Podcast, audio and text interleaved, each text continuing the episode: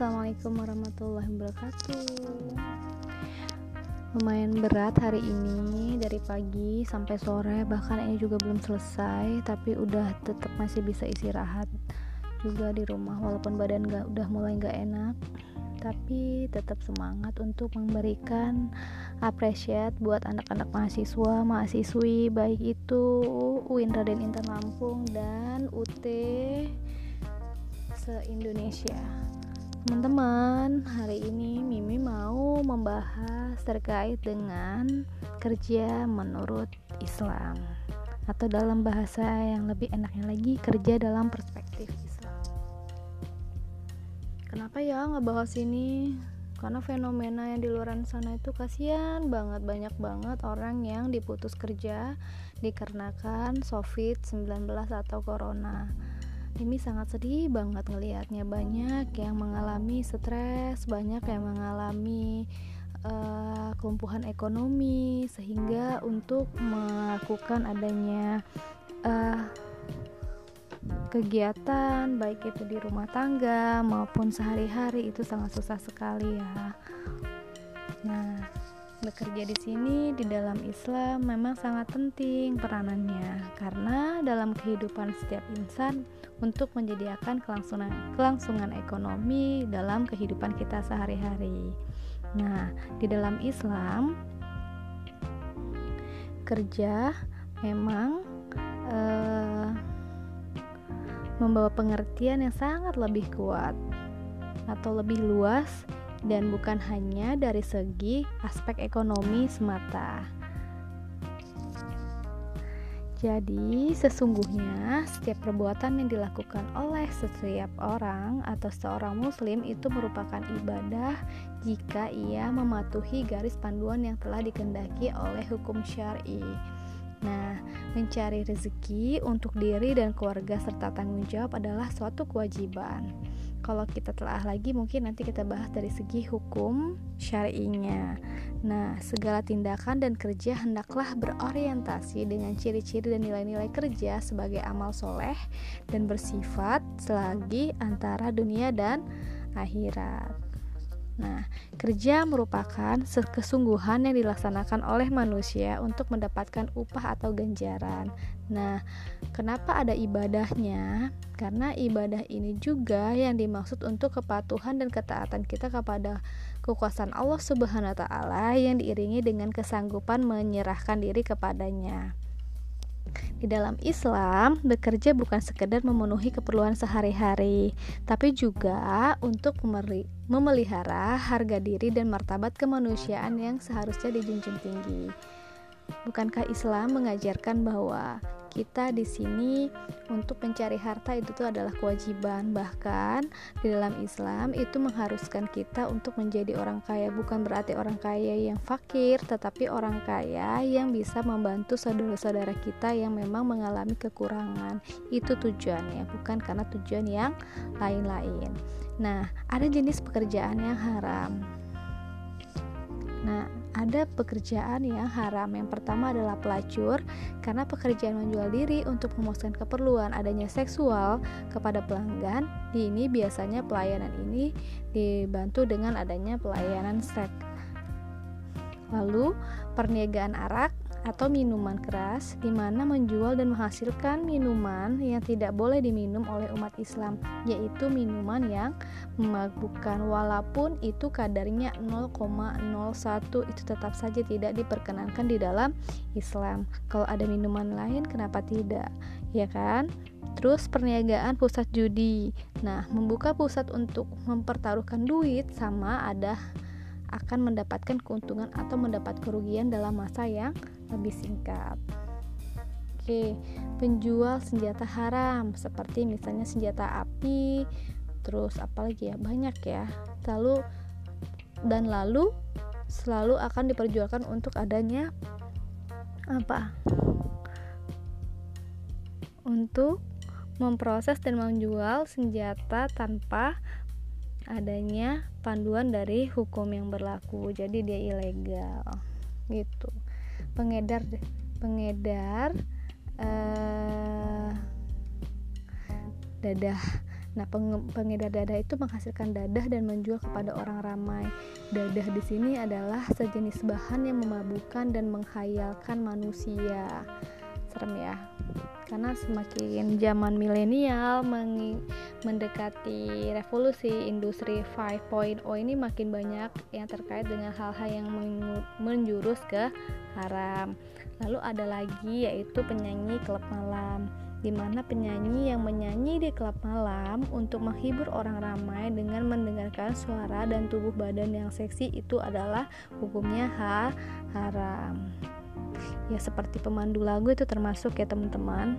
Duh, ini yang paling serem yaitu perdagangan manusia atau bahasa kerennya adalah human trafficking di mana human trafficking yaitu menculik dan memperdagangkan manusia untuk mendapat uang yang banyak yang di mana dijual itu seperti misalnya organ tubuh organ tubuh yang ada di dalam tubuh kita yang memiliki value yang sangat luar biasa sehingga itu bisa menghasilkan uang yang begitu banyak. Nauzubillah min zalik jangan sampai dijaga untuk tubuh kita dan keluarga kita. Nah ada lagi terkait dengan ada pekerjaan yang haram. Karena memang kalau kita mencari harta yang haram itu juga hasilnya jadi haram guys. Terutama kita kenapa saya bilang haram? Karena uh, kita bekerja itu dari memang dari lillahi ta'ala niatnya ya teman-teman. Bukan hanya kita bekerja tidak. Tapi kita bekerja itu dari hati kita dari awal muasal kita bekerja bahkan kita dari cara kita mendapatkan pekerjaannya dengan cara yang halal. Seperti tidak menyogok seperti kita tidak uh, korupsi itu termasuk untuk mendapatkan pekerjaan yang halal, halal. karena itu berdampak kepada diri kita sendiri dan berdampak kepada keluarga kita sendiri. Nauzubillah min zalik, jangan sampai kita seperti itu. Nah, jenis pekerjaan yang halal itu seperti misalnya guru, di mana guru adalah pendidik dan pengajar pada pendidikan dan anak sekolah atau pendidikan formal, pendidikan dasar, pendidikan menengah dan lain sebagainya. Itu lalu uh, akuntan dan lagi lain sebagainya. Oke.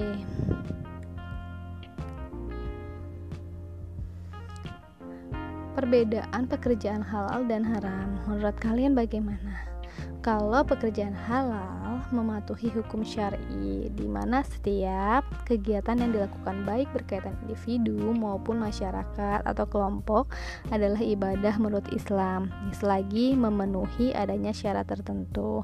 Nah, ini ada beberapa poin. Yang pertama adalah amalan yang dikerjakan hendak diakui Islam kesesuaian dengan hukum syar'i dan tidak ber, uh, tidak berlawanan dengan hukum Islam. Nah, lalu menghormati atau memelihara adanya kehormatan di diri, menyenangkan keluarga, memberikan manfaat kepada umat seluruh dan memakmurkan bumi. Nah, kalau kita lihat lagi secara hadis riwayat Muslim itu ada riwayatnya dari hadis tersebut yaitu bahwa Allah suka apabila seseorang daripada kamu membuat sesuatu kerja dan memperolok kerjanya atau yang lebih perkuatnya lagi itu dari surat Al-Jumu'ah ayat 10 bahwa bertebaranlah kamu dari muka bumi maka Allah akan menambahkan nikmat yang sangat luar biasa. Itu salah satu dasar hukum yang terkait dengan adanya bekerja. Nah Semasa bekerja, kita hendaknya melakukan ibadah seperti sholat, zakat, sedekah, berpuasa yang wajib pada bulan Ramadan. Ini dijelaskan pada firman Allah, yaitu surat Al-Munafikun ayat 9, yaitu wahai orang yang beriman, janganlah eh, harta-harta uh, anak-anak kamu melarikan kamu daripada mengingat Allah. Barang siapa berbuat demikian, maka mereka benar-benar orang yang sangat ru rugi. Jadi, itu sangat penting. Sedangkan secara pekerjaan haram atau melanggar hukum syar'i, itu Rasulullah menyebutkan salah satu tanda rusak akhlak umat manusia dengan tidak pedulinya kepada terhadap cara mencari kekayaan yang halal. Jadi ini ini yang sangat sangat sangat sangat sangat banyak sekali di kehidupan kita sehari-hari pekerjaan yang haram dan melanggar hukum dan mungkin ini sudah banyak sekali di sekitar kita tanpa kita sadari kenapa karena pekerjaan ini yang merupakan kesirikan dan sihir seperti misalnya dukun, paranormal, peramal nasib, dan lain sebagainya. Pekerjaan menunjuk kesirikan seperti membuat patung, melukis, gambar makhluk yang bernyawa, dan perkara-perkara sejenisnya dan lainnya. Menjual barang-barang yang haram, seperti misalnya bangkai, babi, darah, anjing, patung, lukisan makhluk yang bernyawa, minuman keras, dan lain sebagainya. Lalu pekerjaan yang berupa adanya zina yang seperti bersentuhan dan melakukan hubungan seks tanpa ikatan pernikahan itu juga termasuk pekerjaan yang haram. Dalam uh, hadis dari Abu Mas'ud Al-Ansyari Robil Anha bahwasanya Rasulullah SAW melarang harta dari harga jualan anjing, upah wanita penzina dan upah seorang dukun gimana menurut kalian? Tapi di sini memang banyak sekali yang menjadi poin-poin yang sangat luar biasa. Ternyata bekerja itu adalah keindahan tapi juga ada yang halal dan ada yang haram.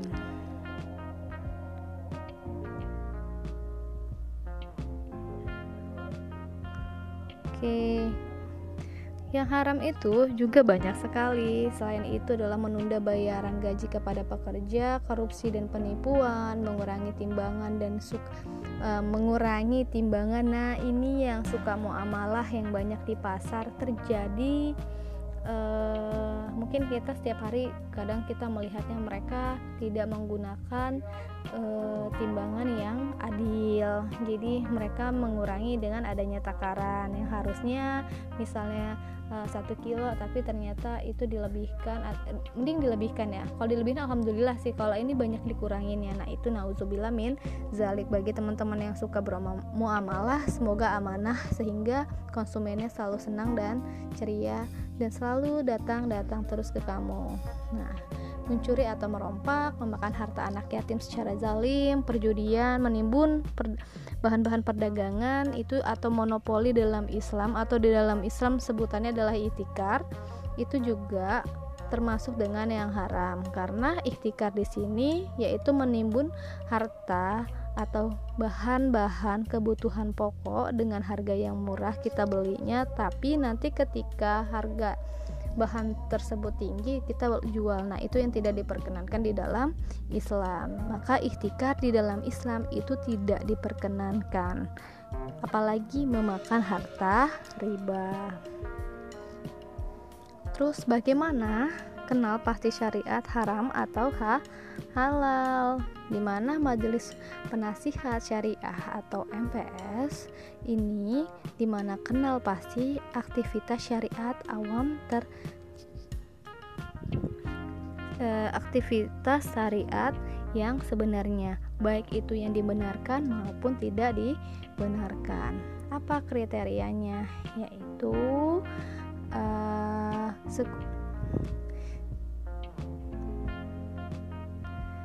kriterianya yaitu uh, aktivitas hiburan yang tidak selaras dan dengan syariah, pengeluaran dan penjualan barang yang berasal sembakau atau barang yang berkaitan. Terus pembrokeran atau jual beli security yang tidak diluluskan oleh syariah. Kalau kita bicara tentang uh, bekerja ini memang jadi uh, fenomenal yang memang harus digalakkan karena Islam itu amat menggalakkan untuk umat umat-umatnya itu bekerja dan berusaha mencari rezeki yang halal sebagaimana memenuhi tuntutan dan tanggung jawab kehidupan di dunianya. Nah, ada tambahan lagi. Untuk firman Allah Subhanahu wa taala dalam surat Al-Taubah ayat 105 yang artinya bekerjalah kamu maka Allah dan rasulnya serta orang-orang mukmin akan melihat pekerjaanmu itu dan kamu akan dikembalikan kepada Allah yang mengetahui akan yang gaib dan yang nyata lalu diberitakannya kepada kamu yang telah kamu kerjakan. Dan ada lagi dalam uh, surat Al-Azalah mohon maaf surat Az-Zazalah ayat 7 sampai 8 yang maksudnya adalah barang siapa yang mengerjakan kebaikan seberat jarah pun niscaya dia akan melihat balasannya dan barang siapa yang mengerjakan kejahatan sebesar jarah pun niscaya dia juga akan mendapatkan balasan yang sama pula gitu.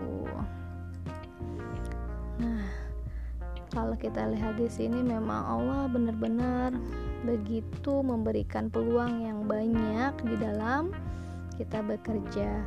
Kalau kita lihat dari tokoh-tokoh dalam bekerja ini bisa kita lihat adalah dari yang pertama adalah Nabi Muhammad SAW, yaitu dia sebagai orang yang bermuamalah di awal-awal uh, kekhalifahan di mana Nabi Muhammad SAW itu dia lebih kepada perniagaan maka dia digelar dengan adanya Al-Amin. Lalu ada lagi yaitu Al Khawarizmi di mana dia adalah salah satu ahli matematik yang teragung.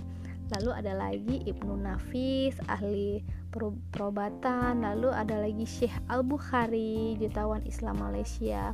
Lalu banyak lagi ya teman-teman untuk kalau kita bahas siapa aja sih tokoh-tokoh dalam bekerja ya Oke, pekerjaan Rasulullah SAW di mana dua tahun dua tahun sampai lima tahun lalu Baginda telah mengembala kambing kepunyaan Bani Saat di kawasan pedalaman. Kalau dirunut lagi sejarahnya banyak banget nih ya kan tentang adanya Rasulullah tentang bekerja sampai dengan umur 12 tahun dia juga membawa Baginda ke negeri Syam untuk membantu adanya berniaga di mana umur 15 tahun Baginda turut menyertai adanya peperangan Fijar beberapa hari dan diberi peranan mengumpulkan anak-anak.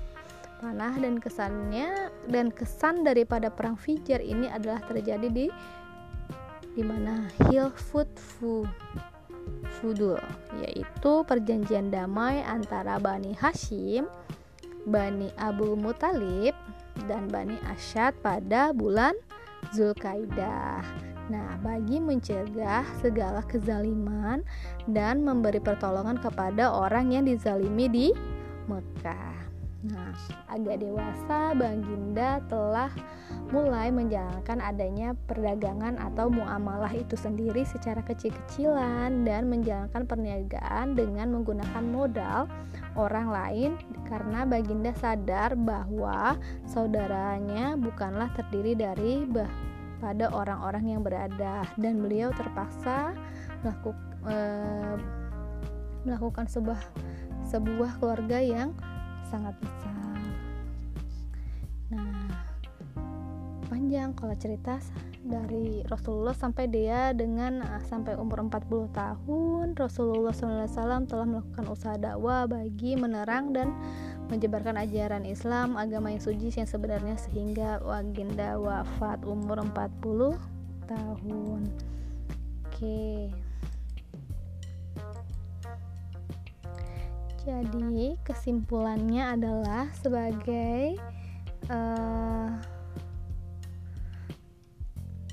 sebagai manusia di sebuah organisasi kita tidak dapat lari daripada menerima kesan daripada perubahan ini. Jika kita tidak cepat bertindak menyelesaikan diri dengan perubahan ini, ditakuti kita tidak akan mampu menyampaikan seperti yang dituntut oleh masyarakat luar yang telah merubah pengikut sekitarnya. Bagi melahirkan organisasi yang gemilang dan cerah, individu menggerakkan organisasi mestilah terlebih dahulu cemerlang.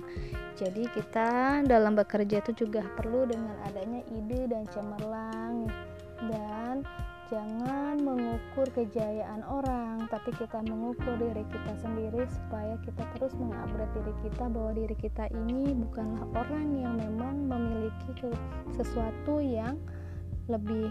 Karena kalau kita merasa kita ini punya kelebihan kita tidak mau belajar dengan apa yang kita inginkan teruslah belajar, teruslah bekerja karena pekerjaan itu adalah suatu kewajiban. Carilah harta yang halal karena dari yang halal kamu akan mendapatkan sesuatu yang lebih halal lagi. Terima kasih. Wassalamualaikum warahmatullahi wabarakatuh. Sekian. Wassalamualaikum. Salam miau.